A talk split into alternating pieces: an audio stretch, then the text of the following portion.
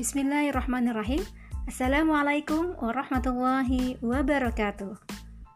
Alhamdulillahilladzi an'amana bi ni'matil imani wal islam wa nusalli wa nusallimu ala khairil anam sayyidina Muhammadin wa ala alihi wa sahbihi ajma'in amma ba'du. Alhamdulillah bersua kembali dengan saya Nur Jamilah di ruang podcast Tutur Inspiratif. Bagi kamu yang merindukan inspirasi dan pencerahan, tentu saja di sini tempatnya. Sobat Turins, apa kabarnya hari ini? Masya Allah, setelah beberapa purnama kita tidak bersua, Alhamdulillah kali ini kita bisa bersua kembali di udara melalui ruang podcast tutur inspiratif.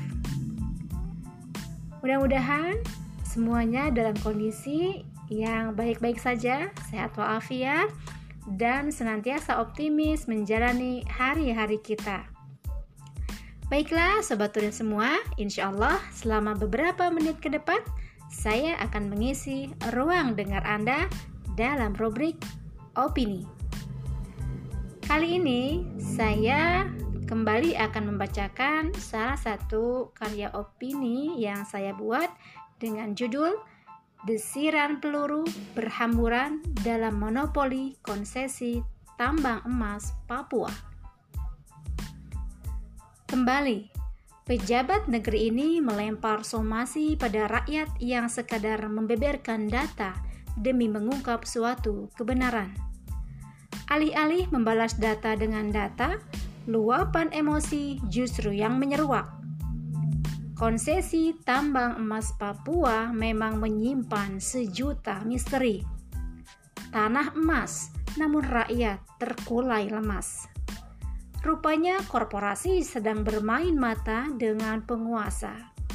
Tak ayang, urusan militer dan politik pun ikut terseret dalam pusaran ekonomi.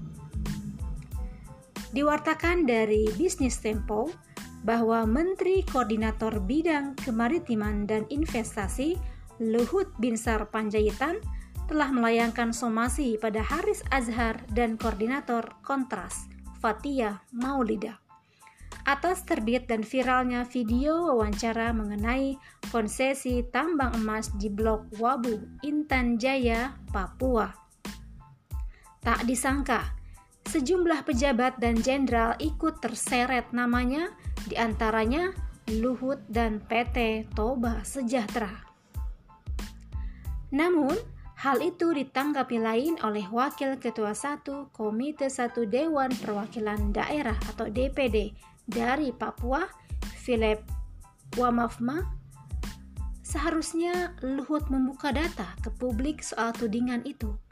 Data dilawan dengan data. Sehingga publik bisa menilai dan menelisik kebenarannya. Somasi menjadi pilihan yang emosional dan childish untuk urusan sebesar ini. Tak ada asap kalau tak ada api. Tudingan yang muncul bukan sentimen belaka, namun ditunjang dengan data valid. Akankah kasus ini menguak perselingkuhan antara penguasa dengan pengusaha dalam konsesi tambang emas. Bagai tikus mati di atas lumbung padi, adilkah ini bagi rakyat? Mereka tetap hidup miskin dan memprihatinkan di tengah keberlimpahan emas. Lantas, bagaimana cara pengelolaan tambang emas yang benar dan adil? Korporasi Gondol Emas Papua Indonesia negeri zamrud katulistiwa yang memiliki kekayaan alam yang berlimpah, termasuk tambang emas. Sehingga menjadikan Indonesia menempati peringkat ketujuh sebagai negara penghasil emas terbesar dunia. Tahun 2020, emas yang diproduksi mencapai 130 ton. Setidaknya ada 8 tambang emas terbesar yang menyumbang produksi emas nasional dan dunia, yakni Grasberg di Papua dikelola oleh PT Freeport Indonesia Tbk, Gunung Dompu di Nusa Tenggara Barat dikelola oleh PT Medco Energy International Tbk. Gunung Pongkor di Jawa Barat dikelola oleh PT Aneka Tambang Tbk. Martabe di Sumatera Utara dikelola oleh PT United Tractors Tbk. Tambang Onto di Sumbawa dikelola PT Sumbawa Timur Mining Tbk. Tambang Wetar di Maluku Barat dikelola PT Merdeka Chopper Gold Tbk. PT Renuka Kolindo Tbk di Jawa Barat dan tambang Poboya di Palu Sulawesi dikelola oleh PT Bumi Resources Mineral Tbk anak usaha grup Bakri. Perusahaan pengelola tambang emas ini bukanlah BUMN, melainkan swasta. Bahkan didominasi swasta asing. Sehingga wajar muncul anggapan bahwa hampir 90% kekayaan alam negeri ini dikelola asing dengan berlindung di bawah istilah penanaman modal asing atau PMA. Ini diawali sejak tahun 1967 saat rezim Orde Baru mulai meliberalisasi perekonomian nasional dengan mengeluarkan Undang-Undang Nomor 1 tahun 1967 tentang penanaman modal asing hingga sekarang. Persekongkolan penguasa dan pengusaha atau korporatokrasi. Papua sebagai penghasil emas terbesar, siapa sangka penambangan emas di sana tak hanya terkait masalah ekonomi, namun juga melibatkan kekuatan politik militer. Ini terkuak dari laporan Ekonomi Politik Penempatan Militer di Papua kasus Intan Jaya yang dirilis oleh YLBHI Walhi Eksekutif Nasional Pusaka Bentala Rakyat Walhi Papua LBH Pengu Papua Kontras Jatam Greenpeace Indonesia tren Asia bersama Bersihkan Indonesia. Hasil penelitian mereka menunjukkan bahwa operasi militer ilegal Papua ditunggangi kepentingan ekonomi politik. Diduga kuat ada relasi antara konsesi perusahaan atau korporasi dengan pengerahan pasukan militer di Papua. Kasus Intan Jaya ini menjadi salah satu sampelnya. Sebagaimana kita ketahui, dalam tiga tahun terakhir, penerjunan kekuatan militer di kawasan pegunungan tengah Provinsi Papua telah memantik eskalasi konflik bersenjata antara TNI, Polri, TPNPB, juga kekerasan serta teror terhadap masyarakat sipil, khususnya di Kabupaten Intan Jaya. Mengingat Posisi pos militer dan kepolisian berada di sekitar konsesi tambang yang teridentifikasi berafiliasi dengan sejumlah jenderal. Terlebih, sejak RI resmi melabeli organisasi Papua Merdeka atau OPM menjadi teroris, ini menjadi pintu masuk legalisasi operasi militer dan penambahan pasukan ke daerah itu. Hal ini menjadikan masyarakat sipil sebagai korban konflik dan memaksa mereka untuk pergi meninggalkan tanah leluhur. Sekitar 1.200-an penduduk asli Intan Jaya terdata sebagai pengungsi, termasuk perempuan dan anak-anak. Mereka terpaksa melarikan diri khawatir menjadi korban salah tembak. Mirisnya, bantuan dari pemerintah sangat minim bahkan cenderung mengabaikan para pengungsi. Setelah wilayah ini steril dari penduduk, tentu saja akan lebih mudah untuk mengeksplorasi sekaligus mengeksploitasi tanah emas ini. Ada empat perusahaan atau korporasi yang teridentifikasi dalam laporan ini, yakni PT Freeport Indonesia, PT Madinah Crude PT Nusapati Satria, dan PT Kota Baramiratama. Dua di antaranya merupakan konsesi tambang emas yang diduga kuat terhubung dengan militer atau polisi. tak kepalang, sejumlah purnawirawan TNI dan pejabat aktif termasuk Menteri Koordinator Bidang Kemaritiman dan Investasi Luhut Binsar Panjaitan ikut terseret namanya dalam pusaran ini. Data itu menunjukkan secara real adanya praktik bisnis militer di Papua. Sumber daya alam Papua menjadi bancakan korporasi dan penguasa aroma korporatokrasi sangat menyengat terendus dalam kasus ini. Lagi-lagi, rakyatlah yang kembali menjadi tumbal dalam ambisi keserakahan oligarki. Salah kaprah penanganan Papua. Kesenjangan permasalahan akses kebutuhan primer, kerusakan lingkungan dan sumber daya alam, serta kebebasan masyarakat sipil selalu saja disolusikan dengan aksi militer. Padahal, hal itu sama sekali tak menyelesaikan problem sistemis di Papua. Menurut Nur Hidayati dari Walhi Eknas, akar masalah dari konflik Papua ada empat.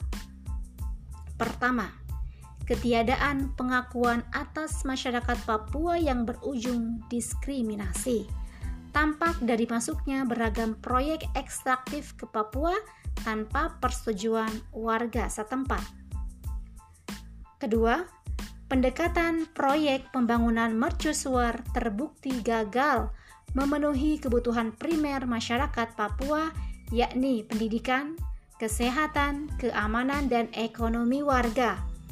Proyek Trans Papua sejatinya menguntungkan para korporasi dalam hal mobilitas, sedangkan rakyat hanya bisa gigit jari. Ketiga, kontradiksi sejarah dan konstruksi identitas politik. Dan keempat, rezim tak belajar dari pengalaman sebelumnya bahwa pendekatan kekerasan tak ada guna, namun mereka kembali jatuh di lubang yang sama. Kegagalan pemerintah dalam menilik akar masalah berujung pada kegagalan menyolusikannya. Hal ini wajar mengingat paradigma dan ideologi yang menjadi pijakan negeri ini memang telah keliru. Sejak Indonesia mengadopsi sistem kapitalisme liberalisme dalam kehidupan bermasyarakat dan bernegara, ambisi dan keserakahan korporasi menyetir berbagai ranah kehidupan. Tak lagi pandang halal haram dalam kacamata agama, bahkan kebutuhan dan keselamatan rakyat tak jadi prioritas Parahnya, ini didukung penguasa tamak yang tak lagi berhati nurani. Korporatokrasi, yakni persekongkolan antara pengusaha dan penguasa, menjadi suatu hal yang niscaya. Hubungan mutualisme di antara keduanya terbukti menjadi biang keladi atas penderitaan dan kerugian yang dialami rakyat selama ini. cara Islam kelola tambang emas. Berbeda halnya dengan kapitalisme liberalisme. Islam memiliki pandangan yang khas berkaitan dengan pengurusan rakyat dan pengelolaan sumber daya alam. Islam it's not only religion but also ideology. Oleh karena itu, Islam memiliki perangkat aturan andal dan komprehensif, termasuk masalah pengelolaan tambang emas diatur sedemikian rupa. Dalam Islam, kepemilikan dibagi menjadi tiga, yakni kepemilikan individu, umum, dan negara. Tambang emas terkategori harta kepemilikan umum berikut uraiannya. Harta milik umum terdiri dari tiga kategori. Pertama, sarana umum yang dipergunakan dalam kebutuhan sehari-hari, misalnya air. Sebagaimana sabda Rasulullah SAW yang diriwayatkan Imam Bukhari, kaum muslim bersekutu dalam kepemilikan atas tiga hal, yakni air, padang rumput, dan api. Kedua, harta yang asal pembentukannya tidak diperkenankan dimiliki pribadi, misalnya jalan umum. Ketiga, barang tambang yang jumlahnya unlimited. Pengelolaan harta milik umum oleh negara dilakukan dengan dua cara, yakni pemanfaatan secara langsung oleh masyarakat seperti air, jalan umum, padang rumput, sungai, dan lain-lain, serta pemanfaatan di bawah pengelolaan negara. Untuk harta milik umum yang jumlahnya melimpah ruah dan butuh keahlian, teknologi, waktu, dan biaya yang tidak sedikit dalam pengelolaannya, seperti tambang minyak bumi, emas, gas alam, dan sebagainya sepenuhnya dikelola negara. Namun, hasilnya secara keseluruhan diserahkan untuk membiayai kebutuhan primer masyarakat berupa sandang, pangan, papan, kesehatan, pendidikan, dan keamanan dengan mekanisme yang berbeda. Berbekal paradigma itu, Islam akan secara tegas melakukan penanganan konflik di Papua sebagai berikut. Melakukan pembatalan pada saham kepemilikan individu atau swasta, baik asing atau domestik, dengan membayar biaya pokok dengan harga normal atas saham yang telah dibeli dan investasi yang telah ditanam. Kemudian, membubarkan perusahaan terbatas atau perseroan saham yang berkecimpung dalam pengelolaan harta milik umum. Setelah itu, negara akan mengambil alih seluruh kepemilikan umum dengan pengelolaan langsung atau mengontrak perusahaan swasta lokal dengan akad ijaroh layaknya majikan karyawan. Perusahaan swasta bukan sebagai pemilik atau pemegang konsesi. Dan tak lupa, menindak tegas oknum-oknum pejabat yang bersekongkol dengan korporasi melalui mekanisme pemecatan dan penjatuhan sanksi hukum agar menimbulkan efek jerah karena telah mengkhianati kepercayaan rakyat demi kesenangan sesaat. Tak kalah penting, mengembalikan kekayaan Papua agar bisa dinikmati warga setempat dengan sistem pendistribusiannya yang adil. Khilafah wujudkan kemandirian tambang. Solusi paripurna dari Islam terkait penanganan Papua tadi mustahil terwujud jika kerangka berpikir dan ideologi yang dipijak masih kapitalisme liberalisme karena sistem ini tidak support terhadap hal tersebut. Oleh karena itu, marilah kita uninstall kapitalisme, kemudian reinstall Islam. Ideologi Islam hanya mungkin diterapkan dalam suatu institusi khas yang dinamakan khilafah. Pijakannya jelas.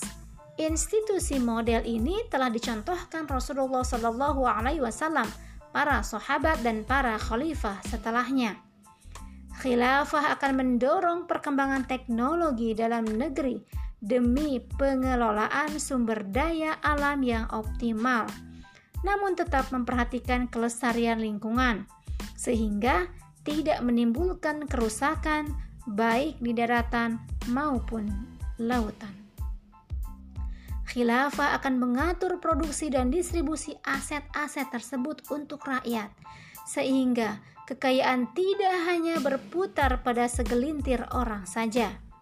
Allah Subhanahu wa taala telah menegaskan dalam surah Al-Hasyr ayat 7 supaya harta kekayaan itu jangan beredar di antara kamu orang kaya saja di antara kamu.